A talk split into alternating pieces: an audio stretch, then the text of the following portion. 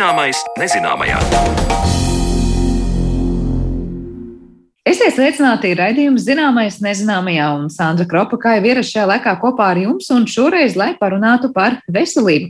Jau pavisam drīz runāsim par to, vai tiešām pasaulē varētu draudēt tūredzības epidēmija, un pievērsīsimies vestibulāriem aparātam un tam, kā tas darbojas.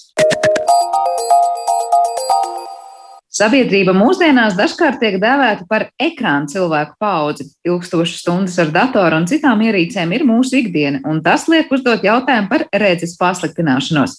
Pētnieki šobrīd pat runā par tuvredzības epidēmiju, jo ar laiku redzes problēmas būs vairumam cilvēku. Bet vai viss ir tik vienkārši un vai ekrāni būtu vienīgie vainīgie šajā stāstā? Par to plašāk interesējās Mariona Baltkalna.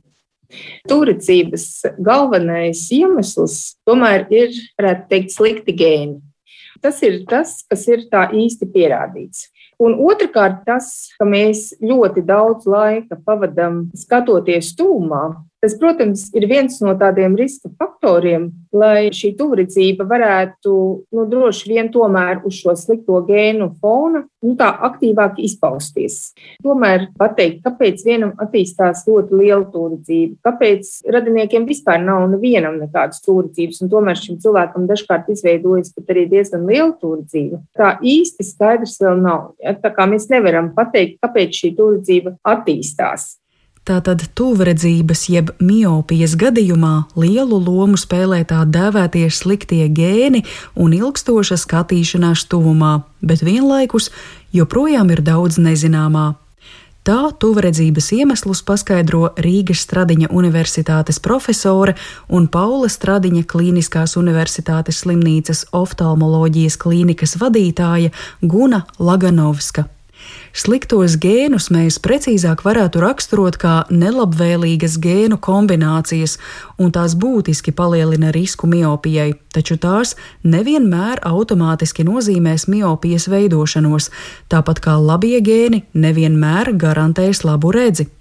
Bet ko tad īsti nozīmē miopija un ko šie sliktie gēni kombinācijā ar skatīšanos ekrānos izdara ar mūsu acīm?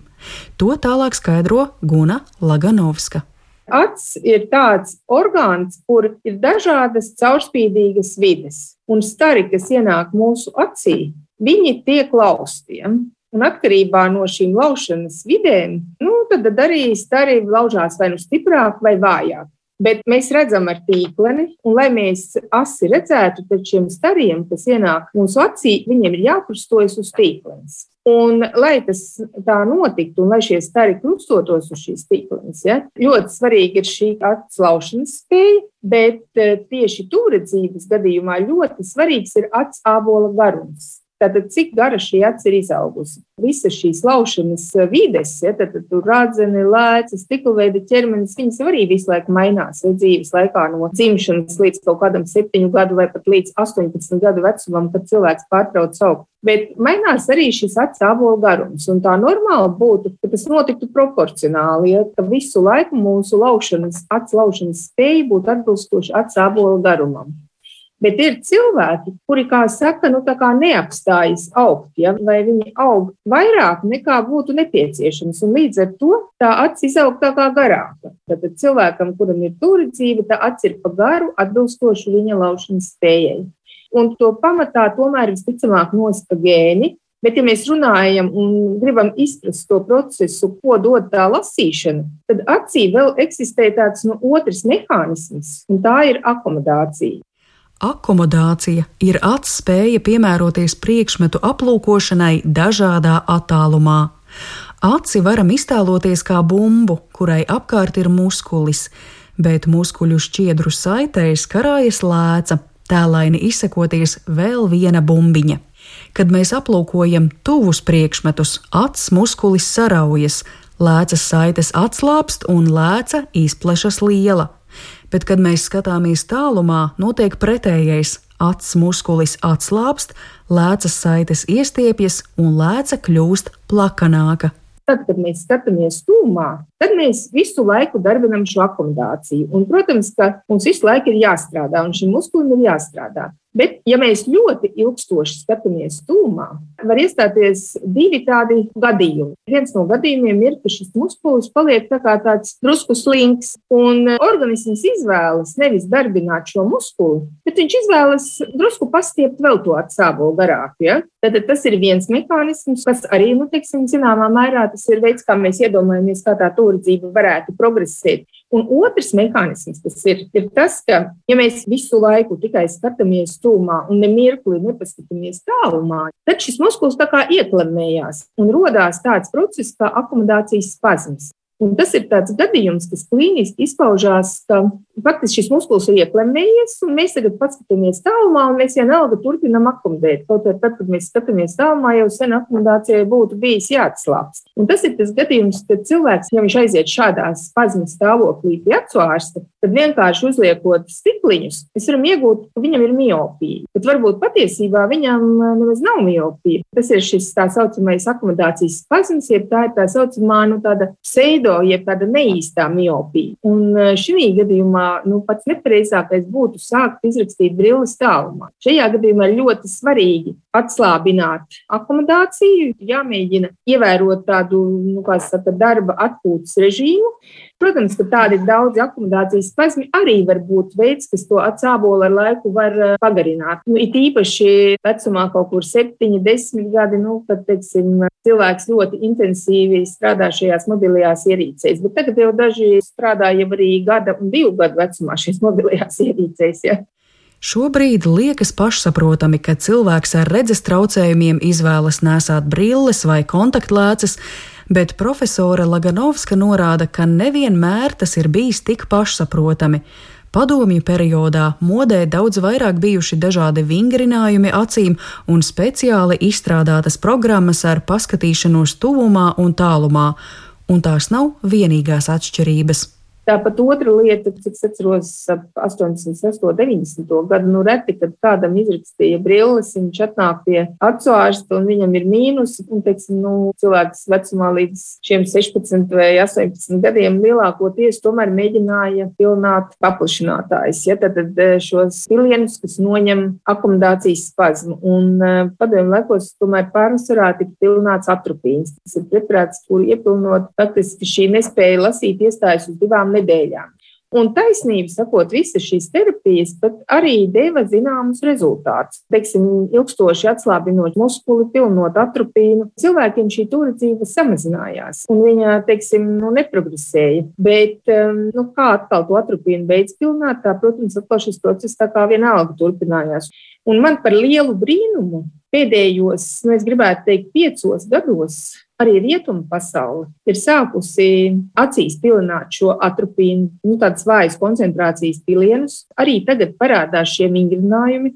Tā kā nu, pasaulē viss mainās un dažkārt atgriežas atkal atpakaļ, ja varbūt nedaudz citā tādā kvalitātē. Un jāsaka, ka pēdējos gados par šo tuvredzības apturēšanu nu, tiek ļoti daudz runāts arī tādā starptautiskā līmenī. Nu, teiksim, ir tāds uzskats, ka 25. gadā puse cilvēku būs stūrdzīgi.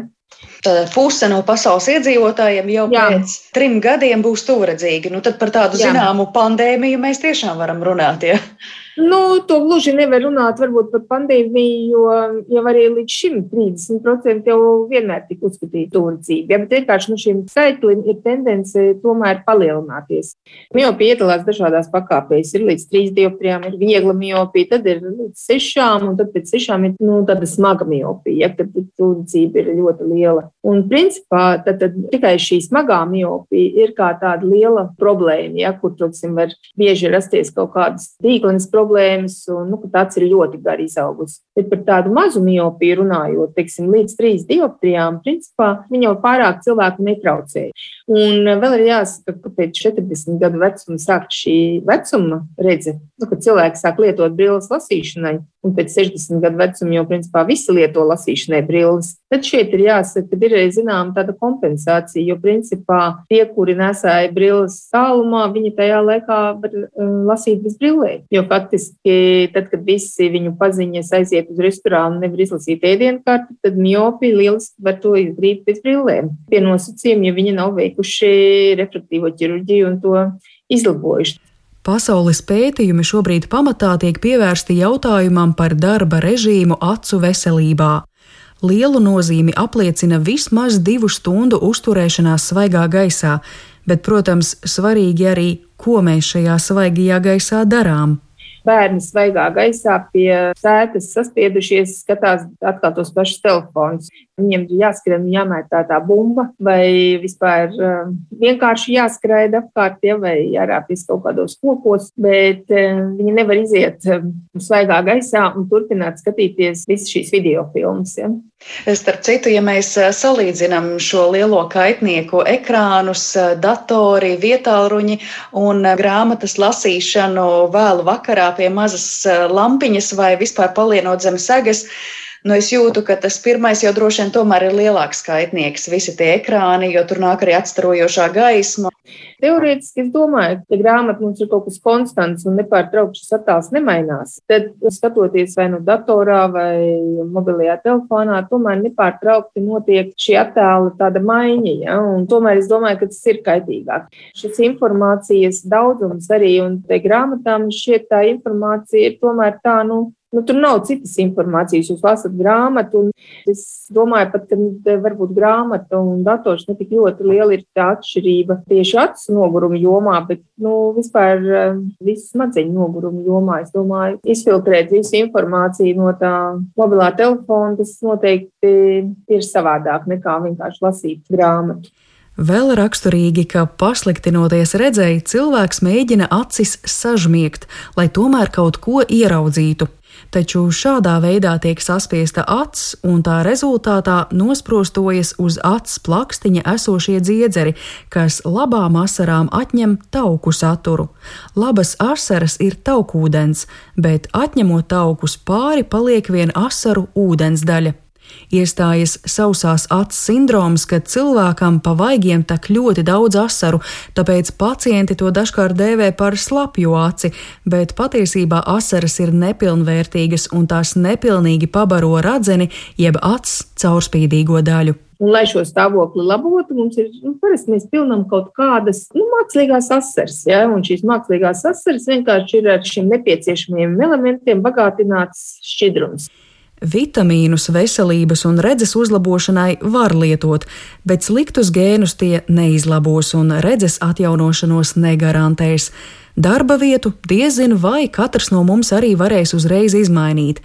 Tāpēc tas, ko varam darīt savā labā, ir parūpēties par savu darba vietu, lai sēdvieta ir ērta un lai mēs visu dienu nesēdētu pie datora ar paceltu galvu, tādā veidā aizspiežot kakla daļas asinsvadus. Tāpat, protams, no acu viedokļa būtu svarīgi ievērot uh, to režīmu, jo tad, tad ideāli būtu, ja mēs 50 minūtes strādājam ar datoru un 5 vai 10 minūtes uh, tomēr paskatāmies laukā pa logu. Pieceļamies, uh, iztaipāmies un pēc tam mēs atkal varam turpināt strādāt.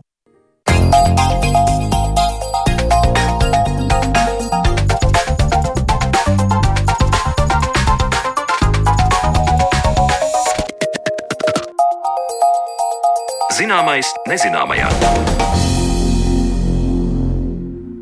Ir virkne funkciju, ko veids mūsu ķermenis, bez kuru klātbūtnes būtu grūti iedomāties dzīvi, bet kuru nozīmi par maz apzināmies ikdienā.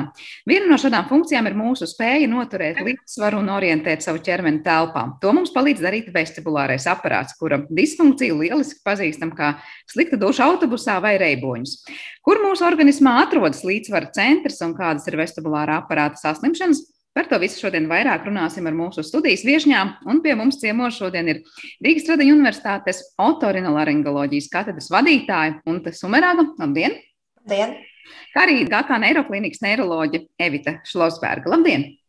Labdien! Nu, sākšu ar to, ka mūsu vestibulārais aparāts ir bieži dzirdēts. Es domāju, daudziem no mums, bet, ja tā pajautāt, nu, tad, kur tas īsti ir un kā tas izskatās, tad laikam atbildētu ne, ne gluži katrs no mums. Varbūt sāksim ar to, Kas ir mūsu vestibulārais aparāts un kur tieši ir tā lokācija? Uh, nu, nezinu, un sākšu ar jums. Jā, nu, vestibulārais aparāts. Vispirms varbūt jāsaprot, priekš kam mums vajadzīga vestibulārā sistēma, vestibulārais aparāts. Un principā tas ir vajadzīgs, lai mēs varētu funkcionēt, lai mēs varētu staigāt uz divām kājām. Lai mēs varētu koordinēti kustināt savu ķermeni, muskuļus, lai mēs varētu uh, sinhronizēt arī to visu, sasaistīt mūsu kustības un ar acu virzienu un redzi. Tātad, jā, un tas viss ir kopā. Un principā galvenais atskaites punkts, nu, galvenā funkcija, kāpēc mums vajadzīga vestibulārā sistēma, lai mēs varētu staigāt uz divām kājām perpendikulāri zemes virsmai. Ja? Tātad ļoti liela nozīme ir arī gravitācijai. Tātad šis gravitācijas spēks ir tāds labs stimuls, labs atskaites punkts mūsu vestibulārai sistēmai, kā darboties. Vestibulārai sistēmai, lai viņa varētu darboties, tad viņai ir jāsaņem informācija. Un tā lielie, lielie tie informācijas avoti, no kurienes tad vestibulārā sistēma saņem to informāciju par to, kādā pozīcijā mēs atrodamies, kā mēs kustamies, ir tā tad ir iekšējā auss, iekšējā ausī ir ne tikai dzirdes, bet arī šī gadījumā mēs vairāk runāsim par līdzsvara receptoriem. Ja, tur ir tā tad iekšējā auss kas ir divas iekšējās ausis mums, ja, tad ir nākošais ļoti liels arī informācijas avots par to, kā mēs kustamies, kādā virzienā, kā ir mūsu ķermenis, tā tad ir redze. Un noteikti tie ir arī lielie tādi proprio receptori, tad ir receptori, kas atrodas um, mums muskuļos, cīpslās, tātad lielajās, tad mūsu ķermenī, kas arī dod informāciju par to, kā tad īsti mūsu ķermenis šobrīd atrodas, kā viņš kustās, vai ir mierīgs un kāda ir šī te, uh, ietekme uz viņu. Un tad tālāk, kad šie visi impulsi ir saņemti, tad tālāk uzreiz notiek arī šo impulsu tūlītēja apstrāde un aiziešana, uzreiz regulācija. Piemēram, šie impulsi uzreiz tiek sasaistīti kopā, un tad jau viņi daudz no, jau no pavisam zemiem līmeņiem ietekmē tālāk mūsu muskuļus. Tātad reizēm mēs ejot pa ielu un runājoties interesanti ar draugiem, neskatāmies, ka ir bedra kāda, paklūpam un pat neesam sapratuši, ka mēs esam paklūpuši, ka mēs jau esam iztaisnojuši savu ķermeni atpakaļ un atkal ejam tālāk. Tātad jau šī mirklī ir, bet tai pašā laikā arī tie, šie impulsi tiek apstrādāti, dažādi analizēti un novadīti jau tālāk uz centrālo vestibulāro sistēmu, kas jau ir tālāk galvas smadzenēs.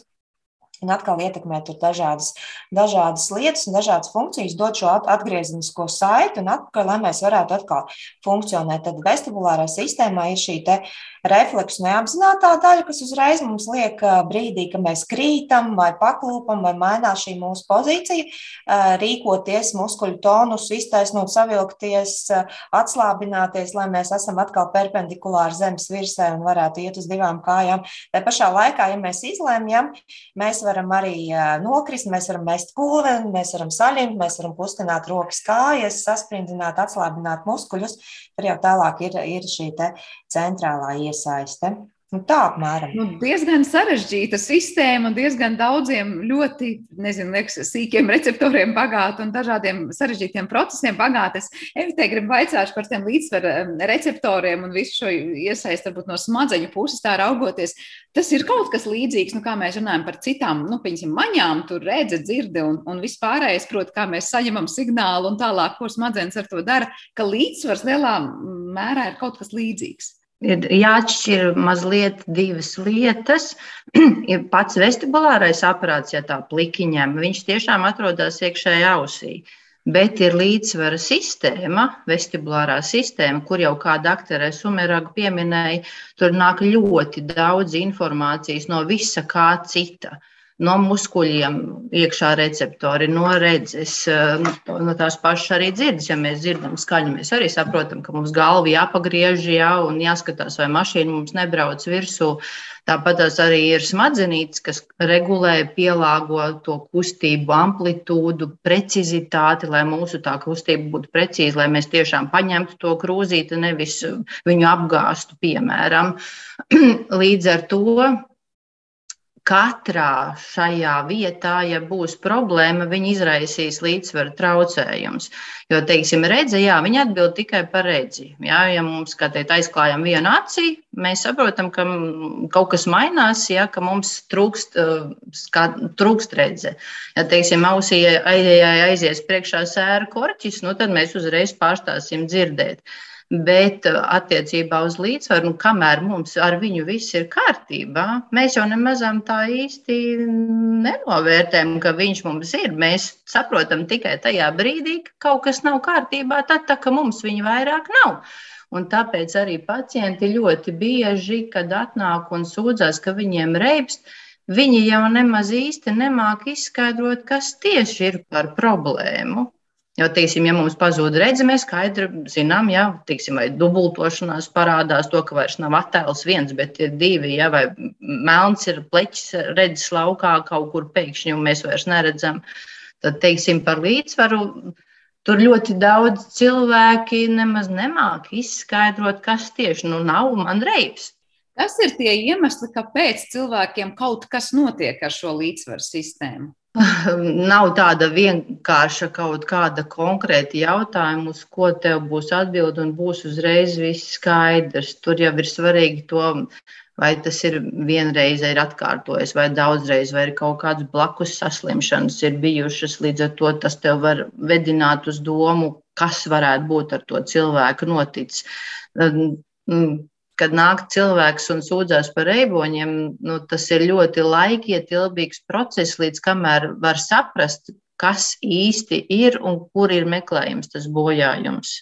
Bet nu, tad, tās iespējas tur ir ļoti plašas. Ja tad bojājums var būt, ka kaut kas, es nezinu, mehāniski, es nezinu, ir noticis ar to iekšējo ausu, un es nezinu, tur kaut kas ir mainījies, vai tur viss kaut kas var būt, es nezinu, smadzenēs, receptoros un citās sistēmās. Jā, ja, jā, jā. Redz, redzi, ir tā, ka, ja cilvēks vienkārši atnāk un saka, man reibs galva, nu, vai vienkārši reibs, tas ir tieši tas pats, kas cilvēks atnāk un saka, man sāp galva.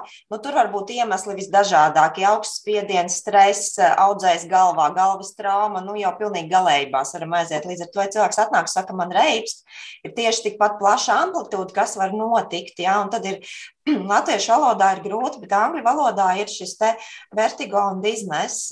Kā, tomēr reiboņu veidi tiek izšķirti. Un tad pirmais, ko mēs ļoti jautājam, tad, kā tad, lai tomēr sāktu sīkāk, kāda ir tie, tie reibšana. Un, un, un tas, kas attiecās tīri uz vestibulāro sistēmu, parasti ir šis sistematizētais reibonis, ka cilvēkam liekas šī sajūta, ka viņš pats griežas vai telpa griežas, un cilvēks var pateikt, kurā virzienā konkrēti. Tā pašā laikā cilvēkam var būt šī rēboņa sajūta, gan tās pašas, teiksim, stresa izraisīts panikas lēkmes, spiediens augšā vai spiediens lejā. Ļoti tipiski ir, piemēram, cilvēkiem, kuriem ir zemes spiediens, viņi pieceļās no rīta strauji no gultas, viņiem ir šī te, man viss sarēvs palika tumšs gar acīm, jā, nu tas galīgi nebūs ar vestibulāro sistēmu tiešā saistības, gan drīzāk ar šo te asinsvadiem un apasiņošanu. Tur kā tur ir, jā, tur ir vispirms ir ļoti, ļoti daudz jārunā un ļoti sīk, un tad cilvēki dažreiz paliek dusmīgi, nu reibst un viss un tā, un, un kad viņiem nē, nē, nē, nu tomēr pastāstiet sīkāk, kādas tās situācijas, kad atkārtojas, kurā virzienā, jā. Ļoti svarīgi, kas vēl ir bez tās reibšanas tajā brīdī, vai ir kāda dzirdes traucējuma, vai redzes traucējumi, vai ir kāda, teiksim, trokšņa sajūta, vai ir slikta duša vēmšana, vēl kaut kas tāds. Ja? Tad ļoti, tātad tas ir ārkārtīgi plaši, jā, bet, nu, protams, ja vestibulārā sistēma, tad pirmām kārtām cilvēki nāk un saka, kad ir šie gāvas reiboņi, Un otrs, kas ir dažādi šie koordinācijas traucējumi, ja tad līdzsvars, tad, teiksim, gaitas izmaiņas nevar taisni noteikti, nevar teikt tā, kā arī doktori teica, paņemt, teiksim, krūzīt šīs smalkās kustības sakoordinēt. Un tad ir tāds liels tāds detektīva darbs vispār, lai mēs saprastu, kurā virzienā tad mēs skatāmies, ja vai tā ir iekšējā auss vai, vai tas jau ir kaut kādi pavisam citi, citi šīs sistēmas elementi. Tas, ko jūs tikko raksturojāt, šos divus reibšanas veidus, tad, tad vertigo būs tas pirmais, ko jūs teicāt. Vertigo ir sistematizēts reibonis, tad, kad cilvēks var pateikt eh, virzienu, Ja, ka nevis vienkārši reizes, bet telpa griežās, vai pats cilvēks griežās noteiktā virzienā. Un šīs parasti viņas, šīs sajūtas ir daudz izteiktākas, un, un parasti viņas atcerās. Un cilvēks, piemēram, viņas citreiz atnāk pie manis stāsta, ka pirms gada ir bijusi tāda epizode, un pajautājot, kurā virzienā griezās telpa, joprojām cilvēks var pateikt. Un tad padomā, ah, šitajā vai, vai otrajā, vai pulksteņa rādītāja vai pretēji. Tad nesystematizētais ir, ir šīs visas sajūtas, ka krīt, ka ģības, tumšs, ar acīm, dažādas šīs dažādas sajūtas, kas, piemēram, arī var būt piemēram tā pašā asinsspiediena, tā pašā laikā dažādām sirdsdarbības, sirds ritma traucējumiem. Nu, tur ārkārtīgi ļoti daudz dažādas panikas lēkmes. Bet kāpēc ir no svara tas pulksteņa rādītāja vai pretpulksteņa rādītāja virziena griešanos? Es saprotu, ka abi būs tie vertigo gadījumi, ja? bet kāpēc vienreiz cilvēkam liksies, ka visa pasaule un viņš pats griežas pa labi, vienreiz pa kreisi? Tāpēc, ka kurā, ja tas vairāk norādīs uz iekšējās auss vai uz, vai uz nerva, vestibulārā nerva bojām, kas ir šī perifērā sistēma, un tad pēc tā griešanās mēs jau varam plus vēl daži citi izmeklējumi prognozēt, kurā pusē ir tā problēma. Vai labajā vai kreisajā. Jā. Evita, jūs jau teicāt pirms brīža, nu, kad atkal tur ir daudz, daudz variantu, kāpēc noiet kaut kas greizi ar to vestibulāro aparātu. Es tomēr gribu mazliet atgriezties vēl pie šie jautājumi, un arī tas, ko tikko Gunta teica. Nu, iemesls, lai, ja mēs runājam tieši par tiem reiboņiem, kas ir no vestibulāra aparāta saistīti, kāpēc kaut kas var mainīties mūsu dzīves laikā tajā visā, vai te vienmēr ir stāsts par tomēr kaut kādām izmaiņām kopējā organisma mainā un saslimšanām, vai tas ir kaut kāds, nu, es nezinu, ikdienišķa varbūt rīcība, es nezinu, ūdenī mest kūleni un pēc tam piedzīvo, iedzīvoties reiboņos uz pāris dienām. Nu, proti, kādas ir tās arī traumatiskās pieredzes, kāpēc tam vestibulāram aprātam kaut kas var notikt? Sāk, jā, protams. Jā. Ir tāda lieta, ka mums ausīs ir tādi mazi sīki kristāliņi. Nu, kad mēs kustinām galvu, tad mēs saprotam, kā mēs esam pakustējušies, un līdz ar to pārējais organisms sagrupējās, lai mēs nenokristu. Nu, tas, piemēram, nu, gadīgi, ņemot vērā Olimpiskās spēles, ja tiek interesējis par aizlidošanu, ja, un jūt līdzi, ja, tad, teiksim, lai mūsu Denis Vasiljevs varētu gaisā izmest četrapgriezienu to lecienu un piezemēties un nenokrist uz ledus. Ja. Bet, ja tie kristāliņi, piemēram, traumas rezultātā atraujās no savām vietām, tad viņi tur sāk šūpoties, un cilvēks saprot to, ka viss pamats līgojas zem kājām. Naktī, piemēram, grozoties uz kaut kādu pusi, viņš sajūtās tā, ka viņš lidot kosmosā vai ka viņš ir iekāpis karuselī. Kaut gan objektīvi ir skaidrs, ka nekas tāds nav noticis.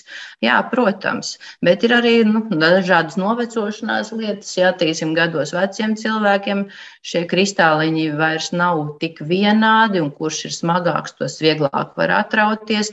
Un nav tā, ka vienmēr cilvēks atzīmēs to, ka tur ir bijis traumas moments kaut kāds, vai arī tā trauma ir tik niecīga, ka viņš nemaz to neuztver kā traumu. Bet tas nozīmē, ka cilvēkiem ir šie kristāliņi, tur var teikt, nu, sākuši dzīvot savu dzīvi. Tas ir uz visu mūžu, vai to var ārstēt, to var novērst, un tos kristālus var salikt atpakaļ. Jā, viņus var ar speciāliem vingrojumiem aizbīdīt uz to vietu, kur viņi vairs neredz šo kairinājumu, bet, diemžēl, naktī mēs grozāmies, un neviens nevar pateikt, kurā brīdī mēs atkal neizgrozīsimies miegā tā, ka viņi atkal sāks traucēt. Respektīvi, ja kādreiz tā problēma ir bijusi, ar ļoti lielu varbūtību viņa atkārtosies, bet tas atkārtošanās laiks to neviens nevar paredzēt. Vienam pēc mēneša, vienam pēc gada, vienam pēc sešiem. Vienam varbūt paveiksies un nekad. Un droši vien tas viss var pārsteigt cilvēku visnegaidītākajā brīdī pašam par pārsteigumu. Gunte, vai būs kas piebilstams par tiem kristāliņiem? Jā, īstenībā ļoti labi, ka sāks runāt par tiem, jo tas ir viens no biežākajiem fenomeniem. Dr. Losbergs ļoti labi sāk par to runāt, jo viņš saucās, tas, tas fenomens saucās labdabīgs pozicionāls reibonis. Un, uh, tas ir ārkārtīgi bieži, un viņš tiešām var būt vairāk raksturīgs ar cilvēkiem ar gadu, ar, jo gadi iet, jo biežāk viņi sastop nedaudz biežāk sievietēm nekā vīriešiem, bet ir arī pat bērniem un pusauģiem tāds, tāds, tāds variants arī reizēm redzēts. Bet tas, kas ir interesanti, interesanti, tas, ka tiešām tas tā sajūta ir ļoti spilgts un tas ārkārtīgi nobaida cilvēku, bet kā jau rāda tas pats nosaukums, ka tas ir labdabīgs, tad nekas cilvēkam slikts nevar notikt, nomirt no tā nevar. Bet tas, protams, tā sajūta, ka tu pagriez gultā galvu un tev pēkšņi viss tā karuselī griezties un var pat likt sliktai dušai, protams, ka tās sajūtas ir ārkārtīgi nepatīkams un ārkārtīgi nobaida cilvēks līdz pat brīdim, kad daži man stāsta, ka viņiem bail iet gulēt. Bet, eh, bet eh, tiešām tas ir labi, tur, tur ir vingrošana. Bet vestibulārai sistēmai vispār ir raksturīgi, ka viņi ļoti labi atjaunojās, ļoti labi arī pēc dažādām traumām, lielām, piemēram, galvaskausa pamatnes lūzums, kas iet cauri iekšējai ausī un, un, un teiksim, uzreiz pēc tiem visās traumas cilvēkam ir šie reiboņi un nestabilitāte, bet viņi ārkārtīgi labi padodas um, um, šai rehabilitācijai. Bet tur ir tas, ko es parasti saku, kas parasti cilvēkiem nepatīk. Jo cilvēki atnāk pie ārsta, viņi domā, dabūšu vienu tableti vai vienu šprici, un viss būs baigi labi. Bet vestibulārā sistēma, nē, tur ir jāiet tas, tas grūtais ceļš ar vingrošanu, bet ar vingrošanu un vingrojumiem ārkārtīgi labi var dabūt šo te atpakaļ visu līdzsvaru, un to tas ir, tas ir tiešām fenomenāli. Nu jā, tas ir ļoti svarīgs aspekts. Jā, teiksim, cilvēks, nu, protams, ja viņam tas reibons ir līdz tādam mēram, ka tajā brīdī viņam ir slikta duša un viņš vēmi nepārtraukti loģiski, kāda tur celšanās no gultas un kāda tur staigāšana. Bet tik līdz kā viņam paliek labāk, ir jāsāk ar sēdēšanu, tad ar pie, piecelšanos kājās un tad ar staigāšanu. Jo ātrāk cilvēks iesaistīsies šajā procesā, jo labāks būs rezultāts, jo tas tiešām ir nu, par cik vestibulārajā sistēmā ietilps tik daudzas struktūras, kas nodrošina mums līdzsvaru un stabilitāti. Ja mēs viņus atstāsim novārtā un netrenēsim, nu, tas rezultāts nebūs. Tas ir ļoti, ļoti būtisks, svarīgs aspekts. Un kā jau dr. Umerag pieminēja, cilvēkiem lielākoties gribas dabūt tādu tabletīti vienu, kuru iedzeršu, un man viss būs kārtībā. Bet vingrošana tas prasa laiku, un tas nav ne dienas, ne divu dienu darbs. Jā, par to laikam jums dažādu jomu ārsti pievienotos, ka cilvēkiem vēl gribas drīzāk tableti nekā dzīvesveida izmaiņas, vai diētas izmaiņas, vai vingrojums. Bet par tiem vingrojumiem runājot, te mēs runājam par tādu nu, līdzsvaru trenēšanu, ko dažkārt saka, varbūt nu, sportā. Nu, tas vingrinājums, lai tev būtu labāks līdzsvars, vai te mēs runājam par kaut kādiem galvas vingrinājumiem, un, un es nezinu, ko ar to, ko ar to kakla galvas daļu cilvēki dara, lai tos kristālus saliktu vietā. Tā ir ļoti specifiski vingrojumi. Tos, kurus parasti teiksim, ārsta kabinetā, tos arī rāda un apmāca cilvēku. To nevar tā teorētiski izstāstīt. Tad, tā, kad cilvēkam tas notiek, viņš saprot, kas ir jādara un kā ir jāvingro. Tā nav standarta profilaktiska vingrošana, ko cilvēki iet kopā ar fizioterapeitu uz zāli, lai tur stiprinātu muskuļus, jostas daļu, ja trenētu vienkārši stabilitāti. Tie ir ļoti specifiski vingrojumi. Agum. Jā, tos kristāliņus tur, tur ir specifiski, tur ir eplē vingrojumi. Tātad mēs pastāstam, parādam, bet tikpat labi, protams, ja grib, var arī paskatīties YouTube, ir diezgan daudz šie te parāgi. Protams, protams, kā vienmēr, pirms tam vajag tiešām ar ārstu pakonsultēties, vai tas tiešām ir šis gadījums, kad, ir, kad noderēs šie eplē vingrinājumi. Bet, ja viņi ir noderīgi, tad viens mēs iemācam, parādām ārsta kabinetā, bet pēc tam, nu, kad jau aizmirstās viss, jo ir stress stress un viss pārējais, un tad var mājās mierīgi arī viņus atrast un, un paskatīties. Otrs ir tas, kad ir vispār arī pēc šīm traumām, pēc dažādiem notikumiem, kad ir jāatgūst šīs līdzsvars, tad, protams, jā, noteikti būtu svarīgi aiziet tomēr pie speciālista, pie šīs rehabilitologa, kurš atkal novērtēs šos līdzsvaru un ieteiks un tieši pamācīs konkrēti šīs līdzsvara, līdzsvara atjaunošanai vingrojumus. Viens no tādiem universāliem, kas ļoti palīdz un noteikti nenāks par ļaunu, var ir nojošana nojošana. Nojošana ļoti labi palīdz līdzsvaru trenēt, jo tur ir koordinācijas starp rokām, kājām un acīm. Tieši tas, kas ir vajadzīgs. Bet, um, bet tādās specifiskās problēmās, protams, ka nu, vispirms vajadzētu ar, ar mediķi pakonsultēties tātad, jā, par, par tiem. Ja mēs runājam par cilvēkiem, kuriem nav nekāda līdzsvara traucējuma, bet nu, mēs vienkārši, kā saka, katrs novecojam pamazām, kā jūs arī teicāt, ar dzīves laikā, tad šī līdzsvara sistēma mainās.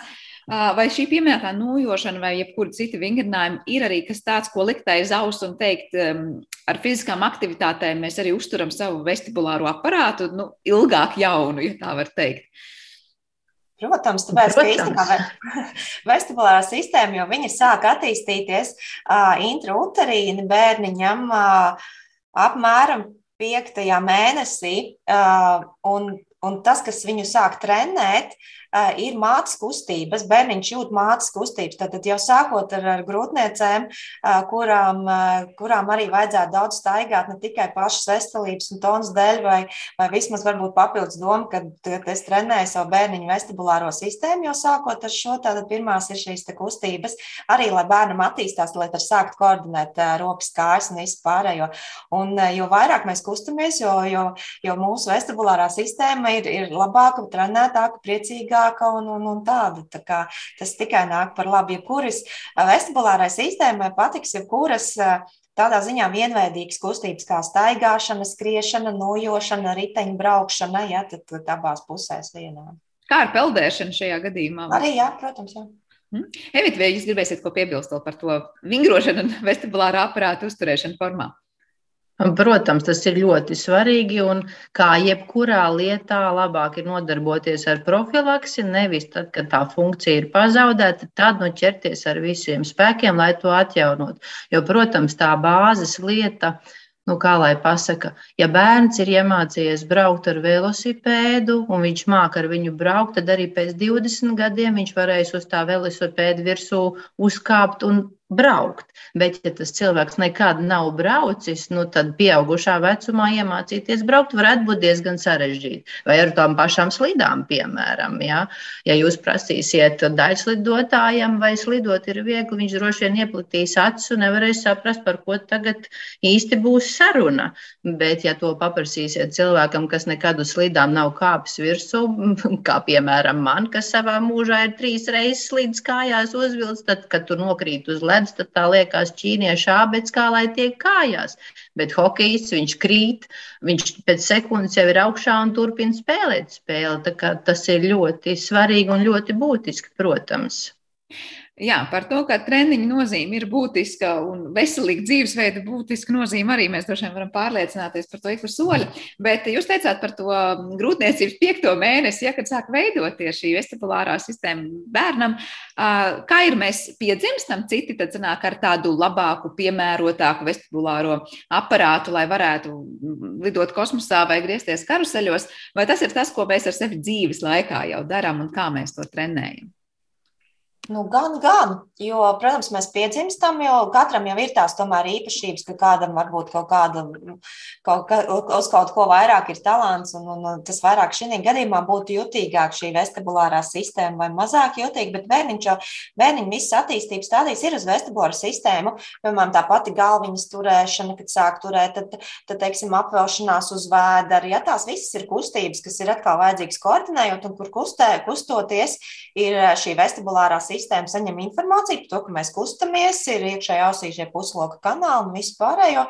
Jo tātad tur būtu gan, gan, tātad, gan, gan to var, kaut ko var uztrenēt, un kaut kādu jutīgumu jau, jau ir, jā, jo tiešām jebkurā gadījumā būs cilvēki, kuriem karuseļi patiks vairāk, un būs cilvēki, kuriem karuseļi nepatiks ne, ne, ne, nekādā gadījumā, bet, bet to arī, ja ir ļoti liela vēlme uztrenēt sevi, griezties karuselī, tad to var uztrenēt. Tas, tas ir. Tur vairāk ir šī droši vien par to jūras slimību saukto, jeb, jeb, jeb kustību. Uh, Angliski motion sickness, jā, tad jūras slimība laikam Latvijā. Es tieši gribēju vaicāt par jūras slimību, jo to arī nu, katrs cilvēks teiks, vienam ir izteiktāk, vienam nav nemaz. Citi saka, tas ir atkarīgs no tā, kurā brīdī ir kāda kustība. Tad vai, piemēram, tas kuģis eh, kustēsies no sāniem, labi pa labi, pa kreisi vai tā kā uz priekšu atpakaļ. Un tas, tas noteiks, kā cilvēks jūtas vai nejūtas slikti. Kas īsti ir ar to jūras slimību un to, kā mēs jūtamies? Tur atkal, cik mūsu vestibulārais aparāts ir vesels vai trenēts vai vai cik, cik viņš ir jūtīgs. Šajā gadījumā tiek saņemta konfliktējoša informācija. Mūsu iekšējā auss saka, ka mēs kustamies, ķermenis saka, nekā nebija, mēs sēžam uz vietas, jā, un, un tad redz vēl kaut kur, ja mēs vēl lasām grāmatu, piemēram, jo tas neatiecās tikai uz kuģiem, tas ieteicās, teiksim, arī transporta līdzeklī.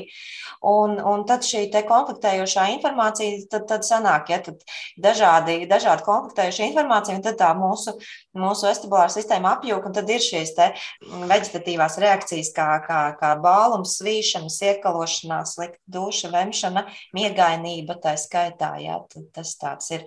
Un, un tāpēc ir ļoti daudz šie arī ieteikumi, un viens no ieteikumiem, nu, protams, ka vien, atkal vienmēr to var, to var būt kāds jutīgāks pret to, kāds mazāk jutīgs, Un, bet tie universālie ieteikumi tāpēc būtu tā mazināt šo konfliktu, konfliktējoši. Tad, tad ja tas ir transports, tad tomēr sēdēt braukšanas virzienā, nelasīt grāmatu, neskatīties telefonu tajā brīdī kuģim. Tad ir šis ieteikums fiksēt horizontu, nu, lai tomēr būtu tas, jā, nu, sliktā tādos lielākos gadījumos, sliktākos Grūtākos tad var arī ņemt medikamentus palīdzīgā, lai mazinātu šo sajūtu.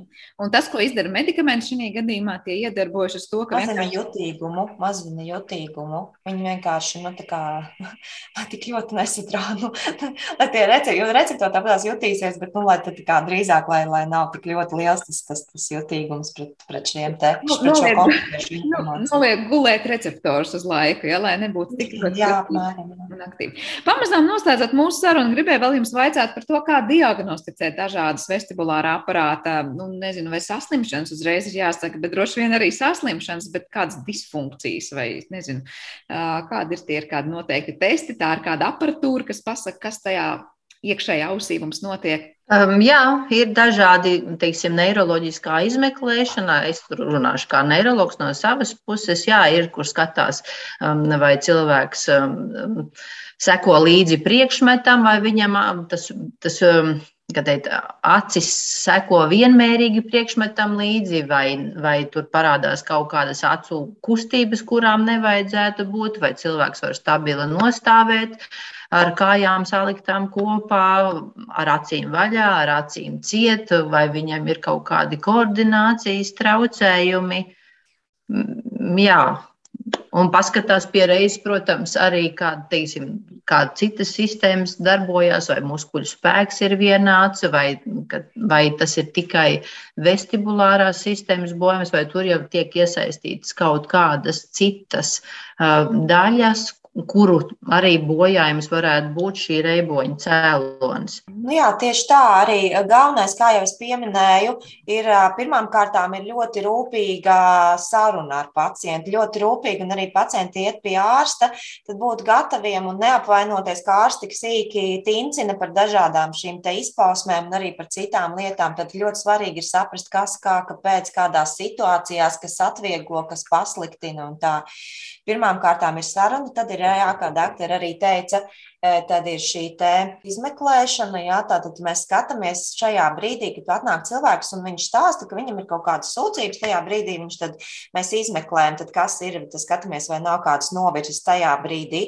Un nākošais ir, ka mēs varam arī šo vestibulāro sistēmu provocēt, jo viens ir kāda viņa ir miera stāvokļa, un, kā es teicu, ārkārtīgi labi viņa padodas rehabilitācijai un ārkārtīgi labi arī bez dažādām nopietnām traumām vai kādiem notikumiem veselības cilvēkam. Viņa ātri, nu, teiksim, pielāgojas un funkcionē normāli, bet, uh, lai zinātu, kā viņi būs dažādās situācijās, piemēram, lai atļautu strādāt augstceltnēs cilvēkiem ka, ka, un dažādām, kur jābūt šeit tiešām ļoti labai koordinācijai, tad, tad mēs izmantojam šos te provokācijas testus, jo normāli vesela vestibulārā sistēma ļausies mūsu provokācijām, dažādām, piemēram, sagriezt pacientu, mēs iegriezt, nevis sagriezt kā man, bet iegriezt pacientu, tad speciāls ir krēsls, kurā mēs griežam pacientu un uz šo te rotācijas kustībām tad skatāmies, jo, ir normāla vestibulārā sistēma, protams, kad rotējot cilvēku, parādīsies nīstegums, parādīsies šis asimetriskais muskuļu tonus, kad cilvēks nolieksies uz vienu pusi,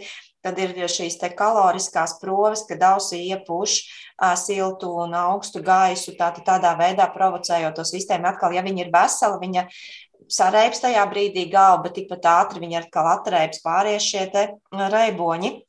Bet, ja šī iekšējā auss vai vestibulārā sistēma īsti labi nedarbojas, tad šādās provocējušās situācijās viņa nenoreaģēs. Un tas ir bīstami teiksim, cilvēkiem, kuriem ir vajadzīga šī ļoti laba koordinācija.